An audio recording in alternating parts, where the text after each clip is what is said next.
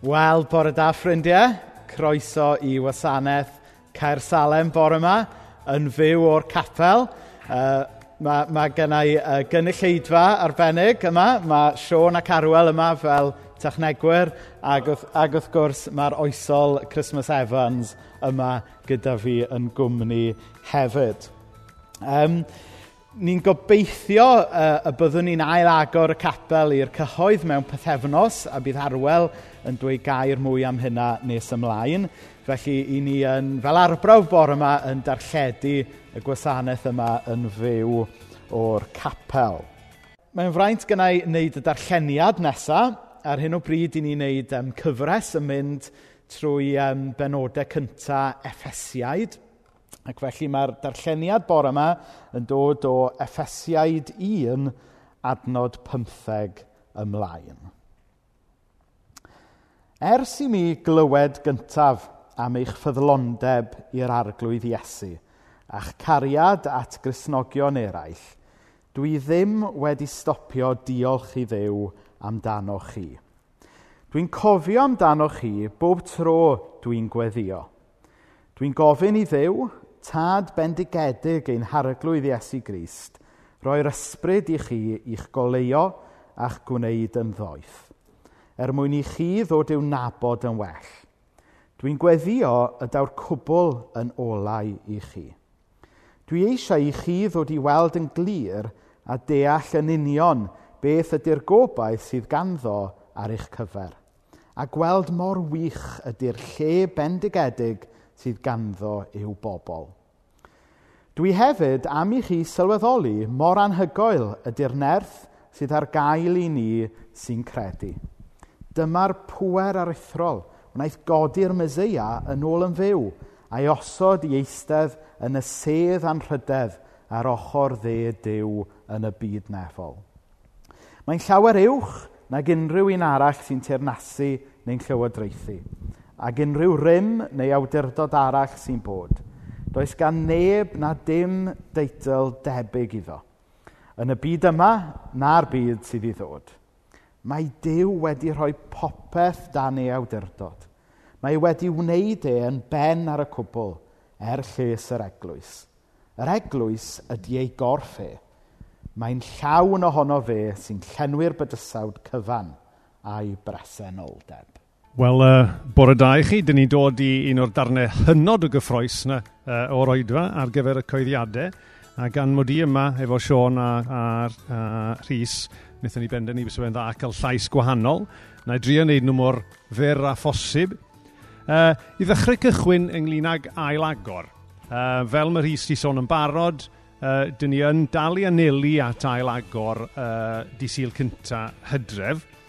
Um, nawr yn amlwg, mae'r sefyllfa newid yn gyson, so dyn ni gorfod cadw llygad ar gyfarwyddiadau'r Llywodraeth er mwyn i fyddhau i'r heini. Ond dyn ni wedi bod yn paratoi, mae'r capel wedi cael ei glirio, Mae yna gwmni glanhau wedi bod yma wythnos diwetha yn gwneud uh, deep clean er mwyn i ni fod yn barod felly. Dyn ni hefyd wedi paratoi asesiad risg a fydd y rhai ohonoch chi fydd yn dod i'r oedfa, fydd y gyfrwyddiadau uh, manwl felly ynglyn â sut dyn ni'n ymddwyn wrth ddod a be allwch chi ddisgwyl pan dych chi'n dod. Um, os oes gynnwch chi ddiddordeb mewn pethau diflas, mae yna asesiad risg tua 12-13 tudalen os ydych chi eisiau ddarllen e, cysylltwch efo fi a mi gewch chi gopio honno fe er bod hwnna yn gofrod cael ei addasu fel o'n i dweud fel mae pethau newid. Mae yn fwriad gynnon ni hefyd uh, i wneud rhyw fath o dry run bach rygofn bod yna bethau dyn ni sydd yn amlwg fel mae pobl yn dechrau cyrraedd uh, nad ydyn ni wedi meddwl amdano fe a falle wneud fideo wedyn ni i ddangos i bobl be i ddisgwyl a newn ni ryddhau hwnna.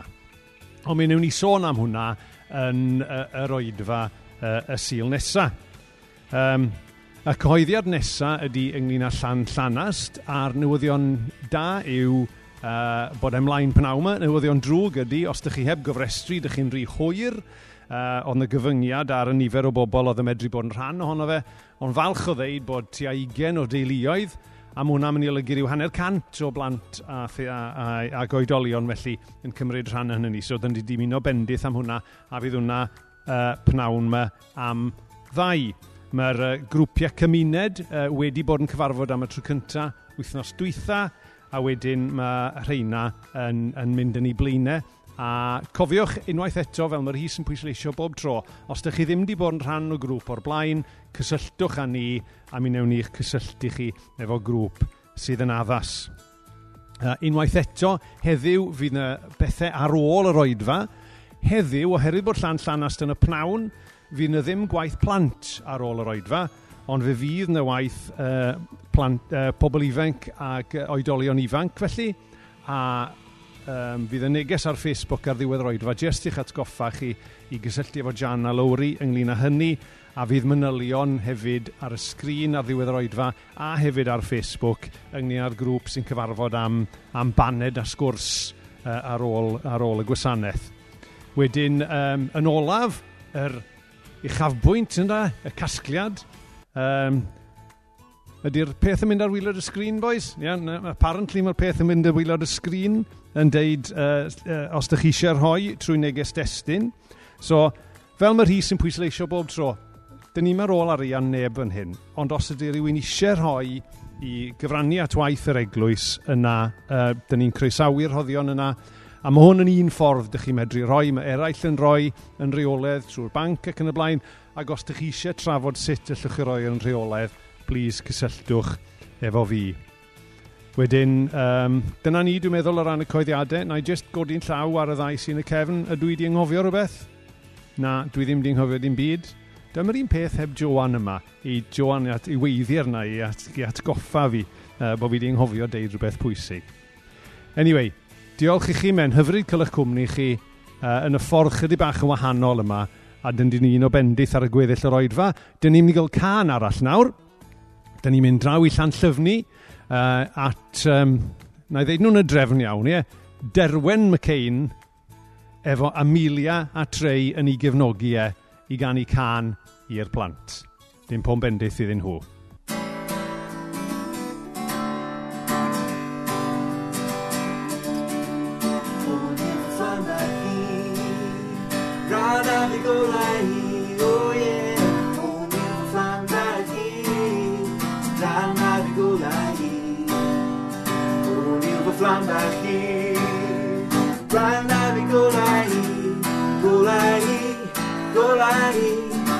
Cari Cariado Flambahi Rana Migolai Oh yeah Cariado Flambahi Rana Migolai.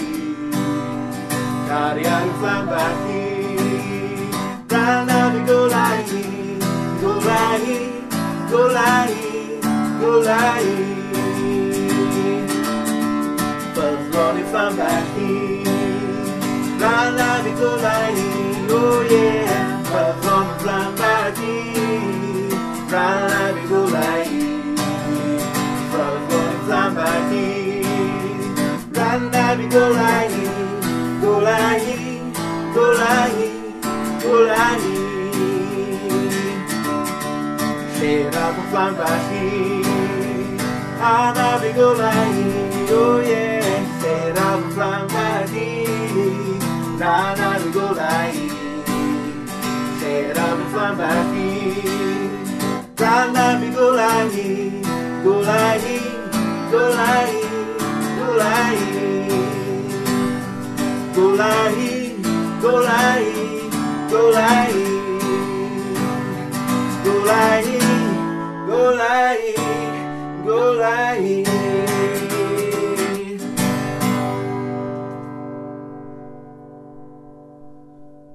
diolch i Trey, Amelia a uh, Derwen am arwain i yn y gan yna ac um, a i chi sydd wedi um, cofrestru i ymuno a llan llanast pnawma.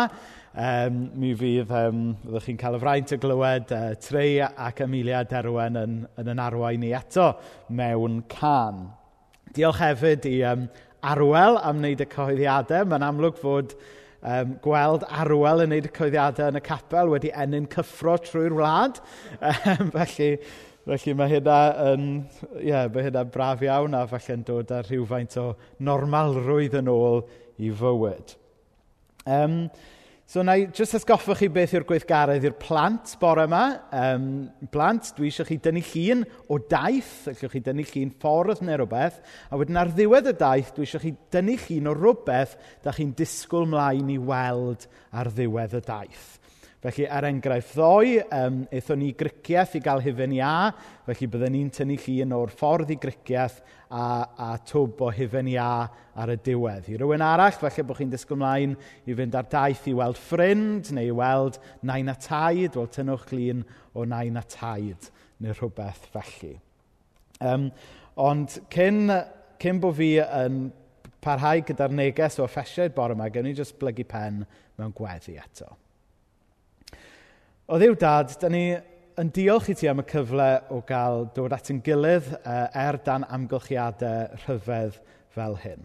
I ni gofyn i ti fod efo ni bore yma, i ni'n gofyn i ti siarad trwy dy air mewn i fywydau pob un ohono ni bore yma.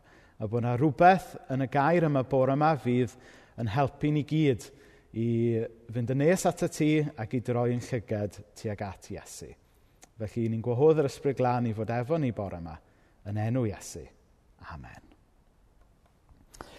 Wel, fel o'n i'n dweud, i ni yn dychwelyd uh, bore yma i edrych ar lythyr Pôl at yr Effesiaid. Oedd Pôl yn berson oedd wedi cael profiad byw iawn o Iesu Grist. A wedyn oedd Dyw wedi galw Pôl i rannu y newyddion da am Iesu gyda pobl eraill. A tua diwedd y Beibl, mae yna gasgliad o lythyrau mae Paul ac eraill wedi sgwennu tuag at wahanol bobl tua dwy fil o flynyddoedd yn ôl. Felly mae'r hanes sydd gyda ni heddiw wedi sgwennu gan Paul ac i bobl Ephesus, sef um, dinas byddai heddiw yng ngorllewin uh, Twrci. Tro diwetha, wnaethon ni sôn am y cyfoeth ysbrydol sydd ar gael i ni yn Iesu Grist. Wnaethon ni ystyried falle y llefydd eraill mae pobl yn troi at gyfoeth. Wnaethon ni sôn am who wants to be a millionaire. Wnaethon ni sôn am y gwahanol ffyrdd mae pobl yn trio cael cyfoeth at ei gilydd. Ond wnaethon ni weld gobeithio fod y cyfoeth mwyaf gwerthfawr i gael wrth yr oed yn ffydd yn Iesu Grist. A wnaethon ni weld fod y cyfoeth i ni'n cael yn Iesu yn ddigon i dal i ffwrdd am ddyledion, beiau, pechodau, ddoe, bod yna ddigon o gyfoeth i ni fyw mewn ffydd heddiw a bod digon o gyfoeth ysbrydol mewn stor i ni fyw yn ddisgwylgar am y fori. A chydig bach yn cheesy ar y diwedd wythnos diwetha, wnaethon ni ofyn os oeddech chi wedi agor cyfri banc y manc bywyd Iesu Grist. Cwestiwn pwysig. Ydy ni wedi roed yn ffydd yn yr un y gallwn ni ddibynnu arno fe? Ydy ni wedi roed yn ffydd yn yr un sy'n rhoi digariad, sy'n rhoi i faddeiant i ni hollol am ddim, oherwydd bod e wedi talu y pris. Nawr, wythnos yma, i ni mynd mlaen yn bellach ym mhenod un o Lythyr Pôl at yr Effesiaid i edrych yn benodol ar adnodau 17 i 19. Ac yn yr adnodau yma, mae Pôl yn siarad ac yn gweddio y bydd yr Effesiaid yn cael datgyddiad o ddew. O beth ydy datgyddiad? Datgyddiad ydy revelation. Mae hwn yn air mawr, ond mae e yn air pwysig. Um, mae yna linell o hoff sioe gerdd Mena Machreth. You want a revolution, I want a revelation, so listen to my declaration. Be ydy, nes i neilio hwnna do, be ydy um, datgyddiad? Wel, datgyddiad yn syml iawn ydy cael rhywbeth wedi ddatgyddio neu wedi i ddangos i chi. Dod i weld rhywbeth doeddech chi ddim yn ei weld yn gynt. Dod i wybod rhywbeth doeddech chi ddim yn ei wybod yn gynt. Na mae rhai yn dweud fod y profiad o gael datgyddiad yn debyg i'r profiad o gael babi. Nawr, dydy hwn ddim yn brofiad dwi wedi cael yn uniongyrchol, ond fel tad, mae gennau brofiad ailaw o beth yw e i gael babi.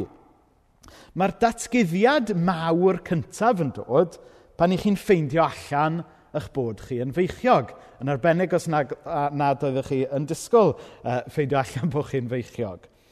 Ond wedyn, wrth i chi fynd nôl i'r ysbyty am amrywiol scans yn ystod y beichiogrwydd, i chi'n cael datguddiad pellach ac efallai llawnach wrth i'r baban dyfu yn y groth. A mae'r un peth yn wir ynglyn â'r bywyd chrysnogol. I ni'n cael y datguddiad mwyaf a mwyaf pwysig wrth i ni ddod i gredu yn Iesu am y tro cyntaf. Ond wedyn, wrth i ni wybod a profi mwy am Dduw wrth i ni gerdded bywyd fel disgyblion i Iesu. I ni'n, mae Dyw yn datguddio mwy o'i hun a mwy o'i gymeriad gyda ni. A dwi'n cofio Dennis, un o'n aelodau hynaf ni yma yn Cersalem yn dweud unwaith. A mae Dennis, um, dwi'n meddwl bod o'n deg i rannu bod o'n yn ei nawdegau, um, ond mae Dennis yn dweud yn aml bod dim un diwrnod yn pasio lle mae, mae'n darganfod mwy ynglyn â cariad a cymeriad hyfryd Iesu. Felly mae Dyw yn y busnes o ddatguddio mwy o'i hun a mwy o'i gymeriad a mwy o'i gariad i ni trwy'r amser. Felly, siwd i ni yn gallu cael datguddiad o Dduw? Siwd i ni'n gallu cael revelation o Dduw? Wel, yn adnodau 17 a 19, a mae Sion mynd i gael nhw ar y sgrin i ni nawr, i ni'n darllen fel hyn. Dwi'n gofyn i ddew, tad bendigedig ein harglwydd Iesu Grist, roi'r ysbryd i chi i'ch goleo a'ch gwneud yn ddoeth, er mwyn i chi ddod i'w nabod yn well, Dwi'n gweddio y daw'r cwbl yn olau i chi. Dwi eisiau i chi ddod i weld yn glir a deall yn union beth ydy'r gobaith sydd ganddo ar eich cyfer, a gweld mor wych ydy'r lle bendigedig sydd ganddo i'w bobl. Dwi hefyd am i chi sylweddoli mor anhygoel ydy'r nerth sydd ar gael i ni sy'n credu. Felly, beth ydy'r geiriau yma gan Pôl? Ydy gweddi. Mae e'n gweddio y bydd yr ysbryd glân yn rhoi datguddiad llawnach i'r Effesiaid o pwy ydy Dyw a pwy ydy nhw yng ngoleuni cariad Dyw. A mae hynna'n bwysig yn dydy. Er mwyn i ni wir adnabod yn hunain, a gwir adnabod yn pwrpas ni mewn bywyd, mae rhaid ni yn gyntaf adnabod yr un sydd wedi'n creu ni, sef yn Dyw yn y nefoedd. A mae'r adnodau yma'n sôn am ddod i adnabod Dyw a'i bethau a'i gariad. A beth sydd gyda ni fan hyn ydy nid jyst rhyw wybodaeth ynglyn â Dyw, ond wir adnabod Dyw. A mae yna wahaniaeth pwysig yn does rhwng gwybod am rhywun ac adnabod rhywun. So, er enghraifft, um, rai blynyddoedd yn ôl, um, rhai ohonoch chi'n gwybod mod i wedi wneud PhD. A wnes i wneud PhD am ddyn o'r enw ar Tudur Jones. A wnes i dreulio pum mlynedd o mywyd, pum mlynedd gai byth nôl, yn astudio uh, bywyd a gwaith ar Tudur Jones. A fe allai adrodd hanes i fywydau e yn reit fanwl, allai esbonio a dehongli i holl lyfrau fe a sgwennodd e lot ohonyn nhw, trystiwch fi, Um, fi hyd yn oed wedi cael pobl oedd yn perthyn iddo fe yn cysylltu gyda fi i ofyn pethau amdano fe. Ond, a mae hwn yn ond mawr,ches i rioed y fraint o'i gyfarfod e, ac felly doeddwn i ddim a fedra i byth ei adnabod e. Er bod fi'n gwybod yr holl ffeithiau amdano fe, o'n i ddim yn ei adnabod e. A mae hwnna'n dangos fod yna wahaniaeth pwysig rhwng gwybod am rhywun ac adnabod rhywun. A mae'r un peth yn bosib gyda Dyw. Mae'n bosib i ni wybod am bethau Dyw. Mae'n bosib i ni wybod y ffeithiau am fywyd Iesu. Mae'n bosib i ni wybod y lingo, gwybod y geiriau, a fel Cymru Cymraeg sydd wedi yn magu yn mynd i'r capel neu'r eglwys. Mae'n hawdd i ni wybod a bod yn llawn gwybodaeth ynglyn â Dyw a'i bethau, ond falle heb i adnabod e go iawn.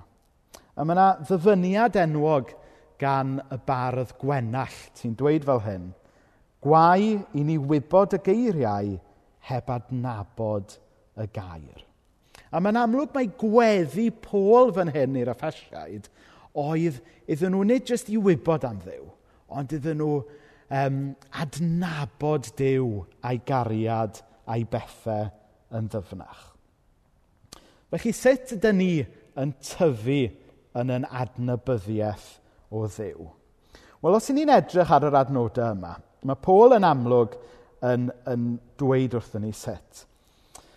Bod angen i ni weddio ar ddew y tad, y bydd Duw y Tad yn danfon yr ysbryd glân i roed doethineb a datgyddiad llawn i ni o ddew a'i gariad. Hynny yw, dydy Paul ddim yn dweud wrth yr, wrth yr effesiad, a, os ydych chi eisiau adnabod Dyw yn well, mae rhaid i chi fynd i'r coleg gwyn i wneud cwrs dwy flynedd. Dyw e ddim yn dweud, o, oh, mae eisiau chi fynd um, i'ch siop lyfrau a prynu'r holl lyfrau yma, darllen nhw gyd a wedyn fyddwch chi yn adnabod Dyw yn well. Dyw e, dyw e ddim yn sôn am fynd ar rhyw gwrs neu darllen rhyw lyfr, nid rhywbeth ymenyddol o heidrwydd ydy adnabod Duw, ond yn hytrach profiad. A'r ysbryd glân sy'n gallu rhoi y profiad i ni adnabod Duw a'i gariad yn well ac yn ddyfnach. Mae gwir wybodaeth o ddew, gwir adnabyddiaeth o ddew, dim ond yn bosib wrth i ni adael i'r ysbryd glân newid rhywbeth yn yn calon ni. Meddyliwch am y peth fel hyn. Mae gwybodaeth am ddew heb y goleini a'r profiad gan yr ysbryd glân fel mynd ati ei adeiladu colcerth enfawr ond peidio bod efo matches. Dyw e ddim iws adeiladu colcerth fawr, ond i bai bod gyda chi fatren i'w danio fe. A mae'r un peth yn wir gyda pethau Duw. Allwn ni fod yn llawn gwybodaeth a ffeithiau ynglyn â Duw a'r Beibl a chrefydd a phopeth. Ond heb y fatren, heb yr ysbryd glân yn dod o fe'n brofiad byw i ni, i ni ddim yn symud o wybodaeth am ddew i adnabod dew a'i gariad. Neu y e mor bwysig i ni gofio fod dew eisiau ni i adnabod e, nid jyst gwybod amdano fe. Nawr, yn adnod 18, um, na i dar, ddarllen adnod 18 eto. Dwi'n gweddio ydy'r cwbl yn olau i chi. Dwi eisiau chi ddod i weld yn glir a deall yn union beth ydy'r gobaith sydd ganddo ar eich cyfer, a gweld mor wych ydy'r lle bendigedig sydd ganddo i'w bobl. So yn gyntaf, dwi jyst eisiau pwyntio allan bod angen i ni weddio y byddwn ni yn gweld galwad Dyw ar ein bywyd. Dwi'n credu fod gan Dduw bwrpas a galwad i fywyd pob un ohono ni. Ond mae angen i ni weddio a galw ar Dduw i amlygu beth yw hwnna. Mae Paul yn siarad fan hyn ynglyn â'r gobaith.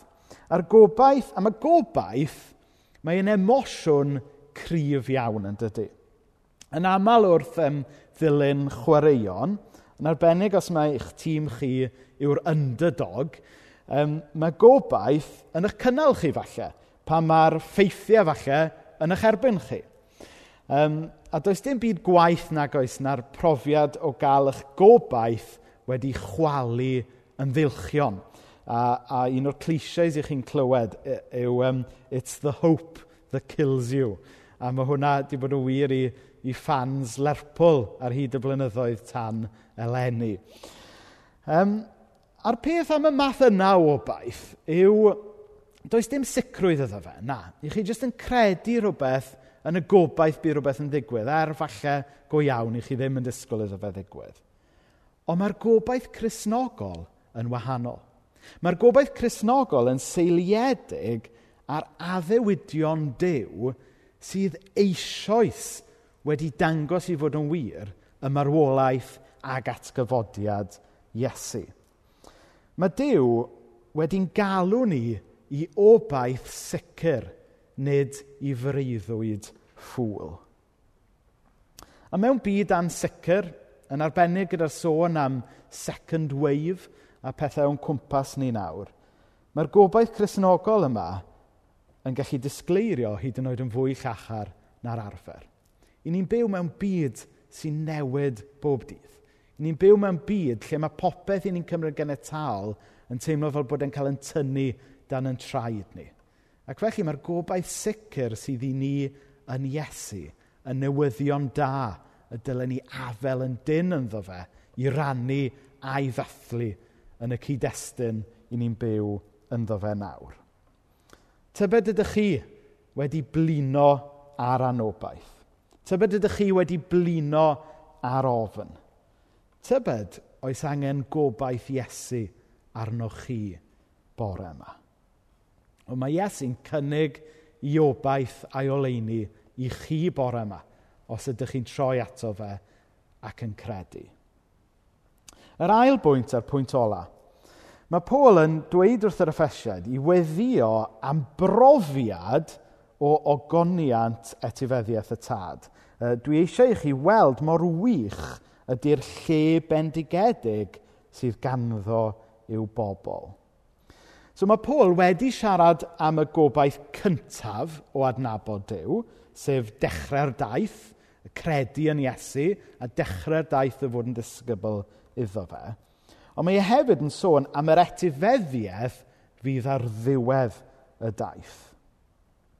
Nawr, tybed ydych chi um, wedi sylwi sut mae beth sy'n disgwyl chi ar ddiwedd taith yn wahanol yn effeithio sut mae'r daith ei hun yn mynd. So, er enghraifft, mae'r profiad o yrru i ffwrdd o gartre ar y ffordd i'ch gwyliau yn brofiad hollol wahanol i'r profiad o yrru adre i'ch gwaith ar ddiwedd gwyliau. Mi oedd y profiad o yrru i'r bala ddoi i Sion yn brofiad mwy melus, mae'n siŵr, na'r profiad o ar un nôl i Gynarfon at y fi ag arwel bore yma, a na i ddim mynylu pam. Hynny yw, mae beth sy'n disgwyl rhywun ar ddiwedd taith yn effeithio y daith i hun. Um, enghraifft arall i chi. Mae'r uh, Tôr de France yn gorffen heddiw. Um, ar ôl wythnosau mynd trwy'r Alpau a'r Pyrenees, um, ar ôl uh, i'r reidwyr fod yn gwrthio i cyrff a'i stamin a'r eithaf, ar ôl i'r ffefryn syrthio allan hanner ffordd trwyddo, ar ôl i'r ail ffefryn syrthio allan ddoi, mae yna un gŵr um, gyda dau air wedi gynnal e dros y tair wythnos ar 2,000 o filltiroedd. A ddau air yna yw'r Siôns Elisei. A heddiw, mi fydd, sy'n ma anganu'r enw yma nawr? Pod... Tadjed Pocacar. Mae'r dau air yna, Siôns Elisei, wedi cynnal Padjeg Pocacar ar hyd y daith. Hynny yw, mae beth oedd ar ddiwedd y daith wedi cynnal e trwy'r adegau fwy anodd yn y daith. A mae hwnna yn wir ynglyn â'r bywyd Cresnogol. Da ni yn disgwyl mlaen i'r nefoedd newydd a'r ddeian newydd, lle na fydd poen a lle fydd Duw yn sychu pob deigryn. A mae disgwyl ymlaen i hynna ddim yn neud ni'n complicent ac yn neud ni eistedd ôl nawr, ond mae e'n wneud i ni'n i fyw heddiw gyda'n llyged tuag at y wobr. Dyna mae Paul yn annog yr effesiad, a dyna yw'r gobaith, a dyna sut dwi am eich annog chi bore yma. I ni gadw yn llygad ar Iesu, i ni weddio y cawn i ddatgyddiad, revelation, llawnach o'i gariad e.